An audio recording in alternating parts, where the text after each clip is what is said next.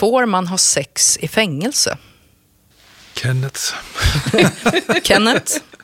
Som anställd får man inte ha sex i fängelset. Det kan jag säga, säkert. Eh, som klient så finns det inget förbud mot att ha sex i fängelset. Okej Melinda, vad är det här? Ja, men det här är en av de saker som svenska folket undrar om när det handlar om kriminalvård. Mhm. Ja, den här frågan har jag hämtat från Kriminalvårdens webbsida som heter 123 frågor om kriminalvård. Och det är alltså frågor som de har fått från allmänheten och som de sen besvarar. Så svenska folket undrar en massa om sex bakom murarna? Bland annat, men jag fick faktiskt höra att det här var en av de mest eh, klickade frågorna på webbsidan. Okej, men nu får du förklara lite vad det var för inspelning som vi hörde alldeles nyss. Jo, jag hade ett runda bordsamtal med några experter på kriminalvård och då utgick vi från några av de här 123 frågorna. Okej, så att nu blir det frågestund. Precis. Det här avsnittet kallar vi för Fråga kriminalvården. Det blir ett panelsamtal där vi får svar på både stora och små frågor. Deras eh, huvuduppdrag var ju att eh, hitta narkotika. Och får vi till exempel en våldshändelse på utsidan, en ny skjutning till exempel, så kan det mycket väl påverka konstellationen på insidan. Och sen så fanns det ju revolvrar också, men de var inlåsta. Informellt kallades de för Svarta gänget. Själva straffet är att man blir frihetsberövad. Tanken är ju inte att man ska straffas. Du lyssnar på Utan att passera gå. En podd med berättelser från den ofria världen. Jag heter Melinda Brede. Och jag heter Tommy Jönsson.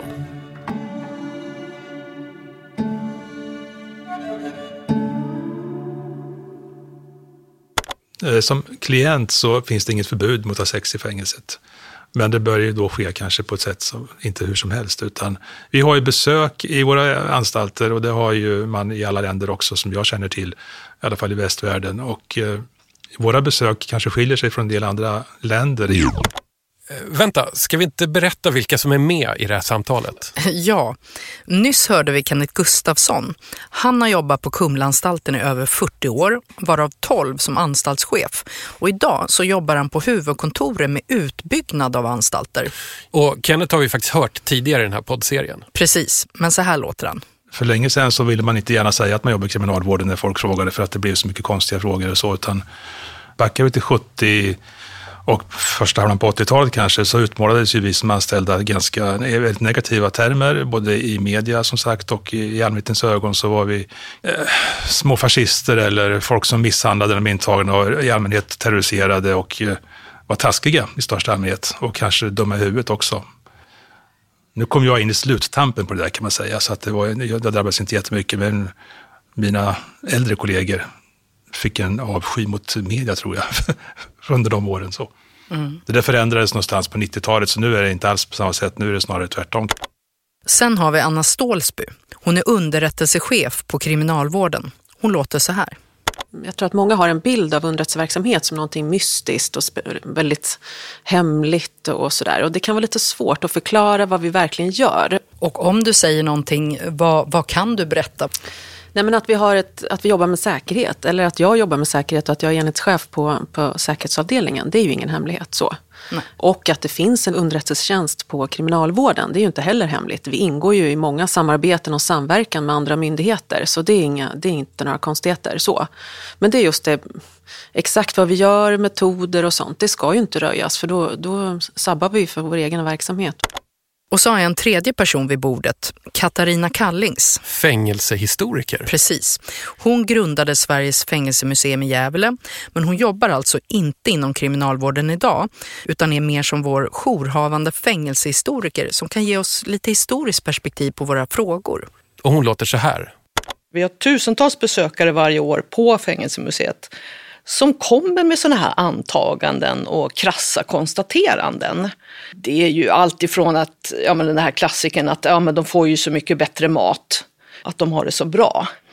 Men det är ju också, eh, så brukar jag citera Frans Schlüter, som är mångårig man inom kriminalvården, som eh, bemöter sådana här kommentarer med att ponera att du får sviten på Grand Hotel. Du får full roomservice. Det är bara att beställa in precis vad du vill ha. Det är bara ett problem. Och det är det att dörren är låst.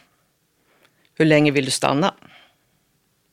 Det säger ju en del, att det är frihetsberövandet som är straffet. Det var en intagen hos mig som i, blev intervjuad av ett tv-team för länge sedan, eller för kanske tio år sedan. Så han fick svara på frågor också om att de ändå hade det ganska bra sådär. Tv-teamet påpekade en massa fina saker, materiell standard och så. Då sa han så här, de kan klä väggarna med guld där inne om de vill, det är fortfarande bara ett fängelse. Ja. Mm. Anna Ståsby. Nej, men jag, jag vill haka på det. Jag I och med att jag inte har varit så länge på kriminalvården så kan jag ibland också komma ihåg det där perspektivet. Jaha, ska du börja jobba på kriminalvården? Ja, men då är det väl så här och så här och så.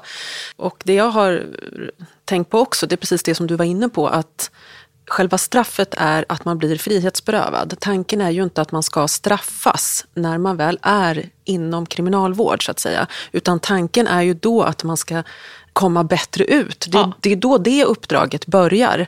Och att förebygga återfall i brott. Det är egentligen det vi alla håller på med om dagarna. Men nu vill jag veta, vart tog den där sexfrågan vägen? Vi lyssnar. Vi har ju besök i våra anstalter och det har ju man i alla länder också som jag känner till, i alla fall i västvärlden. Och eh, våra besök kanske skiljer sig från en del andra länder genom att vi har oftast obevakade besök utav mest i förekommande fall då partners, eh, fruar, fästmöar och annat. Så, och då får man ett rum helt enkelt som man kan beskriva som ett mindre, ett pyttelitet hotellrum eller liknande. Ibland utrustad med en soffa, ibland utrustad med en säng. Och sen blir man instängd där utan övervakning och så. Och sen kan man vara där några timmar eller kanske ibland till och med upp till nästan en hel dag. Men naturligtvis så har folk sex i de där rummen då förstås. Eh, första gången jag var på studiebesök i England och pratade med en engelsk kollega på en anstalt där så, så såg jag på deras besök, de har ju som ni sett på tv, kanske många gånger filmer, stora salar då där, där klienter sitter med sina närmast anhöriga runt små kafébord och sådär under övervakning. Och skulle inte kunna föreställa sig att ha besök på det sätt som vi har. Och när jag beskrev vårt sätt av besök så, så var Martes chockade och tyckte liksom, vem ska ta ansvar för barnen som blir resultatet av de här besöken? Ja, jag kunde bara rycka på axlarna och säga att det är ju föräldrarna som mm. vanligt. Så liksom. Då måste jag få komma in med ett litet historiskt perspektiv. Ja. Eh, på 70-talet så fanns det en anstalt i Strömsund som hette Ulriksfors. Och där byggde man ett besökshotell dit eh, fruar och fästmör eh, kunde komma och hälsa på de intagna till helgerna. Och det där besökshotellet blev ju fullbelagt till varje helg. Och eh, allmänheten på orten döpte väldigt snabbt det här besökshotellet till Tjuvnypet. Okej, jag har en annan fråga här. Vad är straffet för att rymma? Det finns inget straff. Det är inte kriminaliserat. Men någonting händer väl? Nu är det väldigt få personer som rymmer nu för tiden i och för sig. Men det, det som eh, blir en följd av rymningen är ju två saker. Dels den tid man har lyckats vara ute, som oftast kanske bara blir några dagar, någon vecka eller så den läggs ju på förstås i slutet då, så att man får en försenad frigivning. Det andra är ju att man eh, nästan alltid undantagslöst blir förflyttad till en högre säkerhet när man väl grips igen. Då. Har man suttit på en, en anstalt med lägre säkerhet så hamnar man på en med högre säkerhet. Har man suttit på en med hög säkerhet så hamnar man kanske extremfall då på en säkerhetsavdelning. Och vad händer om man blir dömd till anstaltsstraff men det inte finns någon plats i fängelse? Det finns alltid plats. Det är ju någonstans kriminalvårdens grunduppdrag. Vi har en skyldighet att ta emot dem som har en verkställighet som ska göras. Så att säga.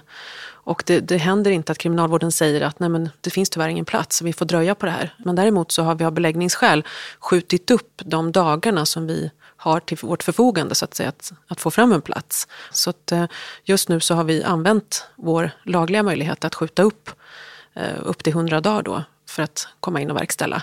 Men det händer inte att man efter hundra dagar säger att nej, tyvärr, det blir ingenting eller vi måste skjuta på det ytterligare, utan det, det är vårt grunduppdrag. Så det har aldrig hänt att någon som har blivit dömd inte har fått en, en plats efter hundra dagar? Inte i modern tid vad jag vet. Det kanske Katarina mm. har något exempel ja. på. Men... Ja, jag har eh, ett exempel från Gävle på 1850-talet när man dömde oerhört många Eh, för brott mot konventikelplakatet, alltså ett förbud att hålla enskilda andaktsövningar utanför kyrkan. Och då var det oerhört många frireligiösa i Hälsingland som dömdes. Och eh, där blev det långa väntetider. Eh, så att det var till och med så att många utav dem som skulle in, de fick hyra in sig hos Gävlebor i väntan på placering. Kenneth Gustafsson, kriminalvård på entreprenad sådär, eller liksom man lejer ut den hos befolkningen? Det finns ju andra former av att leja ut. Vårt grannland Norge har haft betydligt större problem än vad vi har haft tidigare med det där. De hade till slut så många intagna som gick och väntade på en plats att de hyrde platser istället i Holland och skickade dit intagna som fick sitta och sina straff där istället under några år. Nu har man avvecklat det där, men det så var det ett tag. I Sverige har vi pratat då och då om att inrätta privata fängelser, eh, som finns i många andra länder i Västeuropa också i och för sig. Eh, just nu tycker jag att den debatten är ganska låg. Jag har inte hört någonting om det egentligen på, på flera år. Men den kommer säkert komma tillbaks så småningom igen. Jag stoppar lite här. Mm. Eftersom vi hade med kriminalvårdens underrättelsechef Anna Stålsby så hade jag många frågor om vad det är de gör och vad det har för effekt. Men hur utförligt får hon svara då? Ja, men lyssna. En rak eh, fråga till dig, Anna Stålsby. Hur många rymningar och fritagningar hindrar ni varje år? Det, det, kan vi inte säga. Men, men, jag kan säga att vi, vi har fått in eh, information och underrättelser om rymningar, fritagningar, grövre våldshändelser, eh, narkotikainförslar som vi också har bidragit till att stoppa. Okej, okay, men kan du beskriva vad ni gör? Vi finns ju egentligen för att kunna ha ett stabilt säkerhetsläge. Eh, och det handlar ju egentligen om att eh, se till att rymningar, fritagningar inte äger rum. Eh, också se till att det inte pågår någon fortsatt brottslighet. Alltså att man inte driver vidare sina kriminella nätverk från insidan. Vi försöker också hålla ögonen på det här med radikalisering. Sändare och mottagare av våldsbejakande extremistiska budskap till exempel. När vi upptäcker det så ser vi till att de personerna separeras. Så att vi på ett tidigt stadium egentligen går in och bryter kriminella förmågor så att säga som, som riskerar annars att, att störa säkerheten och hota säkerheten. Men Anna, hur jobbar ni då? Alltså för att de som sitter inne inte ska påverka varandra negativt? Ja, det är lite så att man läser ibland i media att när, när personer grips av polisen då, och, så, så, så, blir de inkapaciterade, ett ord som man eh, ofta ser. Men det stämmer ju inte riktigt, för det är där som resan börjar för oss, så att säga. och Det är där vårt säkerhetsarbete tar vid. Så de konflikterna som finns på utsidan, i termer av rivaliserande nätverk till exempel, de följer med in på insidan. Och det där är väldigt viktigt för oss att följa det så att vi inte placerar rivaler på samma avdelning till exempel.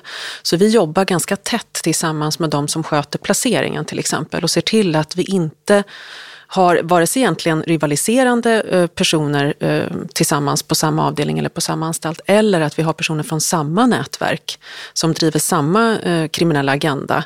För då får vi ett problem med fortsatt brottslighet förstås. De som kommer till kriminalvården nu har ju en generellt sett högre förmåga, alltså kriminell förmåga, att kunna sätta eh, vissa planer i verket till exempel. Och därför måste vi följa med där och, och se till att strypa de möjligheterna som skulle kunna uppstå. Mm. Kan du förklara det där med högre kriminell förmåga lite mer? Ja, på, på en generell basis vill jag understryka då. Alltså egentligen är det så att samhällsutvecklingen har ju de senaste åren gått eh, mot en ökad i tidningar och i media, men ökat våldskapital till exempel. Generellt kommer det ju eh, ett antal personer som ingår i nätverken i de utsatta områdena som eh, har en, en, en hög förmåga till våld och till hot till exempel. Då. Okej, Kenneth, du som jobbade 40 år på Kumla, alltså kan du se att det blev någon skillnad på golvet när kriminalvårdens underrättelsetjänst startade? Ja, man kan framförallt säga att eh, då efter 2004 när den, här, den moderna underrättelsetjänsten startade så har det blivit ett mera nationellt eh, sammanhängande sätt att arbeta då, som ger en helt annan bild än vad som fanns tidigare. Vi har ju förstås jobbat med underrättelse förut också, fast på ett amatörmässigt sätt och med mera lokalt perspektiv kan man säga. Eh, Hur var det innan då?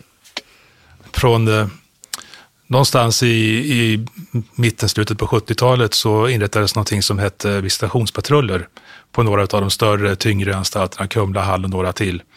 Eh, formellt hette de visitationspatruller, informellt kallades de för Svarta gänget, utav både personal och intagna. För att de jobbade i svarta overaller oftast. Deras huvuduppdrag var ju att hitta narkotika. Man hade ju betydligt mycket mer narkotika inne på fängelserna då än vad man har nu. Alltså hur mycket mer narkotika? Eh, man kunde hitta halvkilospaket ibland som man, med, med, med hash eller cannabis eller så. Mm. Så man hade eh, tre, fyra stycken anställda kanske på de här olika anstalterna. Och för att de inte skulle öda bort sin tid på att springa och leta lite var som helst i blindo så jobbar ju de naturligtvis med det som vi kan kalla för underrättelsearbete, eller i alla fall informationsinhämtning. De pratade med personal ute på avdelningarna, de pratade förstås med intagna som ville prata eller som kunde prata och man läste brev. Kriminalvården har alltid fått, haft en jätteinformationskälla genom att läsa intagnas brev ut och in. Eh, och genom att lägga pussel då med alla de här bitarna man hade så fick man ju faktiskt en ganska god underrättelsebild av vad, var man hade störst chans att hitta de här narkotikapartierna och ibland kanske till och med ta besökare som hade narkotika på sig för att ta med in just vid besökstillfällena. Och så. Eh, någonstans kanske i skiftet 90-tal så lades de här visitationspatrullerna ner. Men individerna var ju kvar fast uppdraget var borta. Och som lokala chefer var man inte dummare än att man använde individerna och deras kunskap i andra sammanhang. Man kallar dem kanske för säkerhetsanläggare eller någonting annat istället och fortsatte att inhämta den här informationen.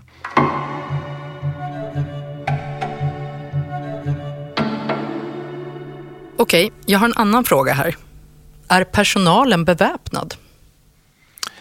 Inte så som folk föreställer sig. Vi har alltså inga skjutvapen inne på svenska anstalter. Däremot har man en viss eh, beväpning kan man säga i form av att man har batonger och man har eh, OC-spray eller med ett mer vanligt ord kanske pepparspray kan man säga. Då. Och hur har det sett ut rent historiskt, Katarina Kallings? På fästningarna så var ju eh, fångarna bevakade av soldater och de var ju beväpnade med gevär. Eh, men sen på cellfängelserna så bar fångvaktarna så kallade huggare, en typ av trubbiga svärd. Och sen så fanns det ju revolvrar också, men de var inlåsta fångtransportören var alltid beväpnad. Finns det wifi på anstalter? Nej, det gör det inte. Och det är också för att vi vill ha en begränsning i kommunikationen. Man ska ju normalt sett inte ha, kunna ha kontakt med utsidan annat än kontrollerat. Det är liksom en del av ordningen. Jag stoppar bandet en stund här. Okay. En grej som jag märkte med de här 123 frågorna som kriminalvården har samlat in från allmänheten det är att många av de här, de handlar om hur klienterna har det där inne på anstalterna. Hur, hur, menar du då? Jo, flera av de här frågorna, de hade liksom en underton av att de som sitter inne har det lite för mysigt. Okay. Så jag frågade Anna, Kenneth och Katarina om vad de tänker om det. Nej, den kan inte sägas vara mysig. Det är ju eh, jämfört med många andra länder en, en hög materiell standard. Det eh, finns sysselsättning på ett sätt som inte finns i alla länder som vi har besökt, så där, där man kanske ofta är ganska overksam och sitter och väntar, slår ihjäl tid. Men i längden, alltså sitter man korta straff, ja då går tiden kanske ganska fort. Men sitter man som rätt många av våra klienter gör i många, många år i fängelse så är det alltså framförallt, ska man säga, då långtråkigt, enahanda. Dessutom är kanske inte sällskapet trevligt alla gånger heller. Så att det är ganska stressande och pressande att umgås med de här medklienterna och det kommer in nya och man vet inte riktigt vilka de är. Det var någon av mina klienter som sa, som muttrade när jag gick förbi mig sist och sa same shit every day. Så, och det är ungefär så det är, liksom. det är samma, samma varje dag. Förutom oron för hur, vad medklienterna ska utsätta för. Och Katarina Kallings, känner du igen eh, den här föreställningen som en del ger uttryck för eller det här att det är för slappt eller det är för snällt. När uppstod det? Ja, det, det, den föreställningen möter jag i, i stort sett varje dag. Men hela mitt engagemang utgår ju från att få människor att tänka ett varv till.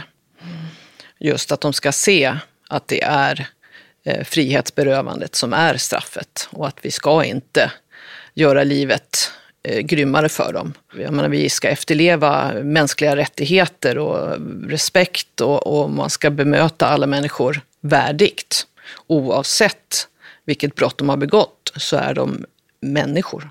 Fängelselagen innehåller ju inga som helst eh, disciplinstraff som är mycket vanliga då i andra länder. Det kan handla om allt ifrån sånt som vi tycker kanske är ganska enkla saker som att man blir av med tvn under en månad eller att man inte får gå och handla i kiosken i en månad eller inte får gå till sporthallen. Den typen av bestraffningar för beteenden inne på anstalt saknar vi i Sverige helt. Vi har inga sådana bestraffningar, eh, varken i lagen eller i praktiken, att ta till. Så där skiljer oss vi ganska mycket ifrån många av våra kollegor runt om i Europa. Då. Och det, det är ju ibland så tar man upp det som ett exempel på att vi är för snälla i Sverige, att vi inte straffar på något sätt egentligen, utan att vi, vi kämpar på med positiva förtecken istället för bestraffningar. Kan man säga. Sen är det ju så som du var inne på Kenneth, att det är ju ganska rutinartat, rutinbetonat. Eh, det är uppstigning en viss tid, det finns en strukturerad verksamhet, det är eh, skolgång för en del, det är produktion för andra. Så det är inte så att folk drar omkring i allmänhet. Eh, sen om det är slappt eller inte, det är väl en definitionsfråga egentligen. Får en mamma ha med sig sin bebis på anstalt?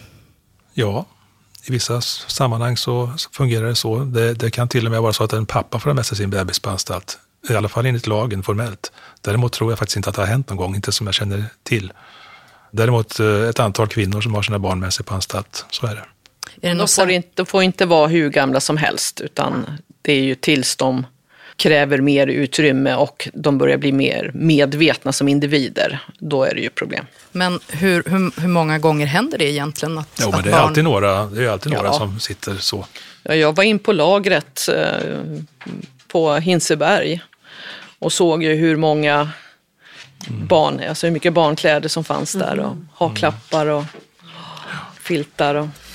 Vi har en annan fråga om säkerhetsarbete men som inte handlar om de intagna utan om de anställda. Eh, hur gör ni för att ha koll på att kriminalvårdarna inte kan hamna i beroendeställning till exempel gentemot klienterna? Mm, jo, men det här är ett klassiskt problem och ett problem som vi säkert får leva med i all tid också. Det går inte att komma ifrån att människor är människor. Så vi har ju någon sorts ledord som säger att när man jobbar med klienter ska man vara personlig men inte privat.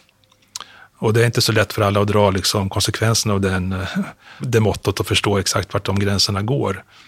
Personlig innebär ju att man inte ska vara alltför stel och korrekt och som bara tjänsteman, utan man ska kunna vara mer personlig eh, för att nå fram på ett annat sätt till klienten. Men privat, då börjar man prata om att liksom dela med sig av sitt privatliv och sina privata omständigheter.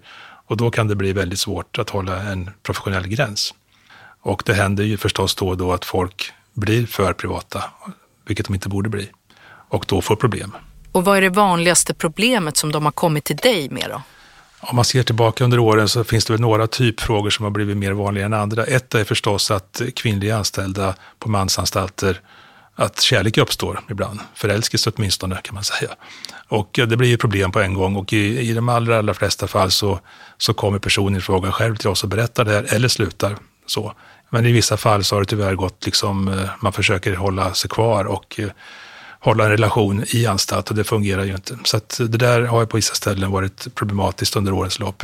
Det andra är ju att kanske man eh, att man blir lätt hotad. Man, man har blivit lite för privat, man har kanske hjälpt till på något sätt med någon kontakt eller någonting och sen så kommer kravbilden på att man ska hjälpa till med andra saker som är betydligt värre. Totalt sett på alla anställda som vi har så är det otroligt få personer som det här rör. Det händer någon gång ibland varje år men det är inte ofta. Har ni så att säga någon strategi för att det här inte ska uppstå? Eh, det är ju flera steg. Dels är det ju viktigt under rekryteringen när man ska nyanställa folk förstås, att man är noga med vad de har för bakgrund och vad de har för inställning och att man gör professionella intervjuer och, bakgrundscheckar och sådär. Det andra är ju under våra första veckor när de är anställda, när vi har våra introduktionsanställningar, utbildningar, att vi tar upp det här väldigt ofta. Jag skulle tro att flera av våra nyanställda tycker att vi nästan tjatar om de här sakerna då, därför att det är så viktigt. Och det tredje sen är ju att eh, grupptrycket i ett arbetslag, på anstalt jobbar man ju liksom i arbetslag, så är grupptrycket runt de här frågorna väldigt hårt och det, det är liksom förenat med stor skam och sådär att eh, göra fel på, den här, på, den här, på det här området kan man säga. Så det, grupptrycket hjälper till att hålla folk på plats lite grann. Och det fjärde och sista där kan man säga då, det är ju att vi sällan numera jobbar ensamma med klienter. Det som kallas för ensamarbete var mycket vanligare förr och då är man ju mer utsatt för påverkan och eh, nu när vi i princip alltid egentligen då är minst två anställda i varje situation så minskar ju de här riskerna betydligt. Ehm, det här med att eh, vi har en underrättelsetjänst inom kriminalvården. Är det vanligt? Ser det alltid ut så? Det är faktiskt inte så vanligt om man gör en internationell utblick. I eh, Europa, EU, så skulle jag nog vilja påstå att vi är kanske den en, det enda landet som har en, en välutvecklad eh, underrättelsetjänst just fokuserad på kriminalvård och som är självständig i kriminalvården. Det finns en del andra länder där till exempel polisen bedriver viss underrättelsetjänst i, i kriminalvården och på anstalter och häkten. Men eh, jag vill nog påstå att i, i EU så, så, är vi eh, de som är mest utvecklade där. Och du sa tidigare att ni samarbetar med flera myndigheter. Hur ser det samarbetet ut? Eller vad? Det finns ett väldigt bra och strukturerat samarbete som kallas för um, den myndighetsgemensamma satsningen mot organiserad brottslighet. Och Kriminalvården har varit med i det samarbetet från start så det, där kan man säga att vi delar underrättelser med varandra just för att kunna omhänderta vårt eget uppdrag. I och med att eh, den här förmågan hos klienterna Eh, generellt sett ökar så blir det också viktigare att vi har ett bra underrättelseflöde, till exempel med polisen. Så att vi förstår hur de här nätverken påverkar varandra och vilka som ligger i fejd med varandra. Och får vi till exempel en våldshändelse på utsidan, en ny skjutning till exempel, så kan det mycket väl påverka konstellationen på insidan. De som var vänner igår igår kan plötsligt vara fiender. Och då gäller det att vi är snabba där och ser till att de personerna inte längre kan vara på samma avdelning eller sammanträffa under en promenad till exempel. Katarina Kallis. Ja, jag funderar ju över nu när det är sån överbeläggning på anstalterna. Det måste ju bli oerhört komplicerat för er att placera, placera rätt, placera ja, om dem det när det här rätt. uppstår. ja. Eh, det är klart att i takt med att beläggningen ökar Eh, så minskar våra möjligheter att differentiera, som man säger. Att, att dela på klienter som mm. inte ska vara på samma ställe. Mm. Varför är det så fullt? Får jag svara? Spännande. Ja, ja Katarina Kallings. Vi vet ju att det har varit, eh, det har varit proppar i rättsprocessen. Att polisen har inte hunnit med. Domstolarna har inte hunnit med. Och då hände ju det inom kriminalvården ja, 2009-2010 att det kom in för få på anstalterna. Och då tog man beslut att lägga, lägga ner främst de gamla anstalterna som var uttjänta. Och då, då blev det ju bra några år. Men nu när polisen och domstolarna har kommit ikapp så har det ju blivit överbeläggningar. Ja, det finns nog många anledningar till att vi är i den situationen vi är just nu. Men en är naturligtvis den du själv säger, att, att eh, rättsväsendet som sådant är, är mer i ropet nu, får mer resurser, polisen blir mer och mer effektiv, samverkan ökar mellan myndigheter, det går liksom snabbare och mm. snabbare i de delarna. Sen är det väl också så att det, det, är inte gjort i en handvändning att få fram en anstalt. Det handlar om bygglov och det är avtal och liknande. Som, som det, tar, det är en viss framkörningstid på det och det gör också att det blir svårt att prognostisera på lång sikt exakt hur många platser man kan komma att behöva. Kenneth Gustafsson, vad skulle du säga? Beläggningen på anstalten har alltid gått i vågor. Man, man har perioder med toppar. Den senaste toppen hade vi runt 2006, 2007 då det också var fullt. Och då byggde man en massa nya anstalter, eller byggde till och byggde om kan man säga. Sen gick det ner i en lång svacka, så att 2016 eh, till exempel, tror jag, då hade vi extremt låg beläggning överhuvudtaget. Och sen vände det snabbt upp 2017, 2018. Eh, och den där snabbheten är otroligt svår att liksom eh, parera. De byggnader vi har, har vi liksom för lång tid och att bygga nya tar lång tid. Det vet jag som jobbar med det just nu. Så. Sen ska man inte glömma bort heller att själva befolkningsökningen gör ju ständigt att vi behöver mer platser hela tiden. Vi blir ju fler och fler och fler, så att, att antalet totalt sett ökar är inte konstigt. Ja, det försvinner ju ofta i debatten. Eh, Anna, till dig då. Vilken är den största utmaningen för eh, underrättelsearbetet i framtiden? Utmaningen blir att eh, matcha upp så att säga den klientutvecklingen som vi ser nu. Och det jag tänker på främst är ju den här förmågeökningen som jag nämnde tidigare när vi ser att eh, det kommer klienter till oss som har en hög aktivitet och en hög våldsförmåga till exempel. Eh, den klientutveckling som vi ser nu är oroande på det viset och den utmanar säkerheten. Och apropå framtiden. Mm. Vår fängelsehistoriker hon tog upp ett ganska annorlunda framtida perspektiv. Vad då för något? Jo, alltså hon tror att morgondagens fängelsehistoriker de kommer att ställa sig frågande till en sak som är en självklarhet för oss. För att vara riktigt drastisk så, så tror jag att de kommer att fråga sig hur kommer det sig att man fortfarande bedrev kriminalvård i anstalt på 2020-talet? Varför la man resurserna där? och inte på brottsförebyggande verksamhet. Jag måste nästan bolla över den till dig, Kenneth Gustafsson. Nu var jag ju Jo, väldigt nej, men- drastisk. Man, jag tror väl att och det är klart att det finns en framtid som gör att vi kanske kommer faktiskt ur anstalten också. Lite grann är vi ju redan på gång där, men det går kanske lite sakta och så. Fotbojan är ju en sån sak där man, många idag avtjänar sitt fängelsestraff i frihet med fotboja. Övervakningssystemen kommer att göra att man kan ha en helt annan kontroll över människor även fast de rör sig ut i samhället. Men, men det är ju förenat med både investeringar och med vissa säkerhetsöverväganden och, och så. Men, men självklart så kommer nog huvuddelen i alla fall utav våra dömda att kunna avtjäna sina straff i hemmet, i någon form av husarrest då, med elboja eller med begränsad rörlighet i, i sina i de samhällen där de bor helt enkelt. Så det tror jag säkert. Och det kanske inte dröjer så jättemånga år till heller faktiskt. Kenneth Gustafsson, Anna Stålsby och Katarina Kallings, tack för att ni kom hit.